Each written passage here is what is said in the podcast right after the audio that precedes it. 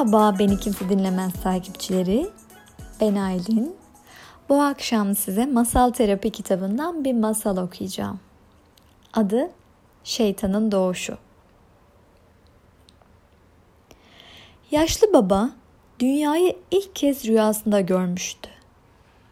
Bu rüyalardan biri çok netti ve zihnini öyle meşgul etmişti ki insanın uyanınca sadece rüya olduğuna şaşırdığı rüyalardan biriydi.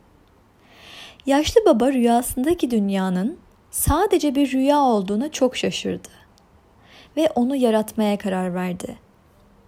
Tohum olarak rüyasını kullandı ve ondan dünyayı geliştirdi.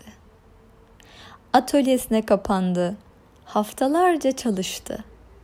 Bazı günler çok dolu ve üretken geçiyordu ve geceleri kapısını heyecan ve beklentiyle kapatıyordu.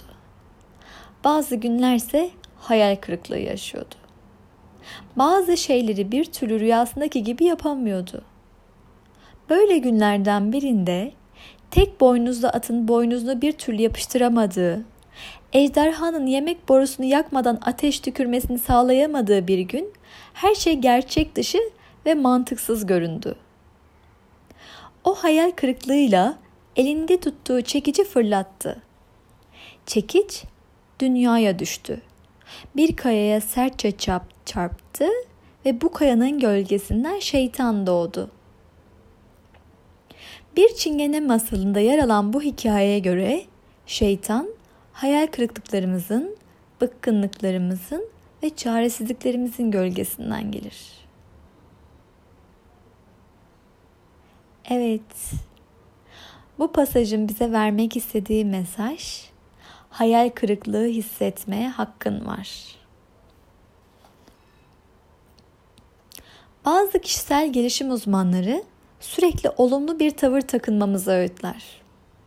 Ama kendimizi sürekli olumlu olmaya zorlamak, umutsuzluk, üzüntü ve hayal kırıklığı gibi duygularımızı bastırmamıza neden olur. Umut ettiğimiz sonuçlara ulaşamadığımızda üzülebiliriz. Kendimizi kötü hissedebiliriz. Hoşnutsuzluğumuz üstesinden gelmenin sürekli bir mutluluk maskesi takarak ya da bu duygumuza kulak tıkayıp bastırarak kurtulmak yerine başka bir yolu daha vardır.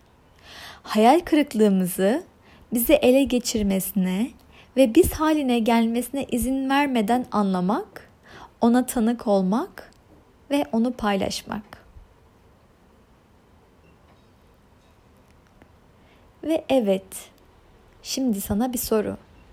Hayatında üzüntünü ifade edecek bir alan bırakıyor musun kendine?